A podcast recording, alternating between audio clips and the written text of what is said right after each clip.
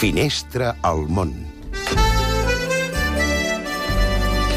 Obrim la nostra finestra romana. Eduard Rubió, bona nit. Hola, bona nit, Elisa. Al contrari d'altres països, casar-se, casar-se per l'Església normalment és un ritus fonamental en la vida dels italians. Es fa una vegada a la vida com la primera comunió o morir-se, i per això aquestes cerimònies són guarnides, excessives i cerimonioses, valgui la redundància. Ara s'ha posat de moda els portanells per gossos.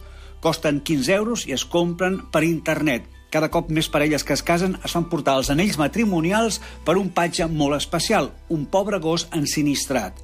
No sobre un coixí de vellut, seria massa demanar, sinó dins d'un estoig blanc lligat al coll amb un especial collar. Si ho fan les grans famílies, els futbolistes famosos, per què no ho hauria de fer-ho la gent del carrer?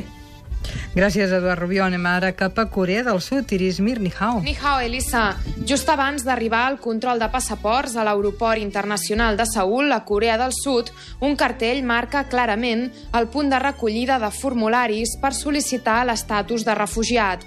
Els formularis estan a disposició d'aquells nord-coreans que hagin aconseguit escapar del brutal règim estalinista de l'altre costat de la frontera.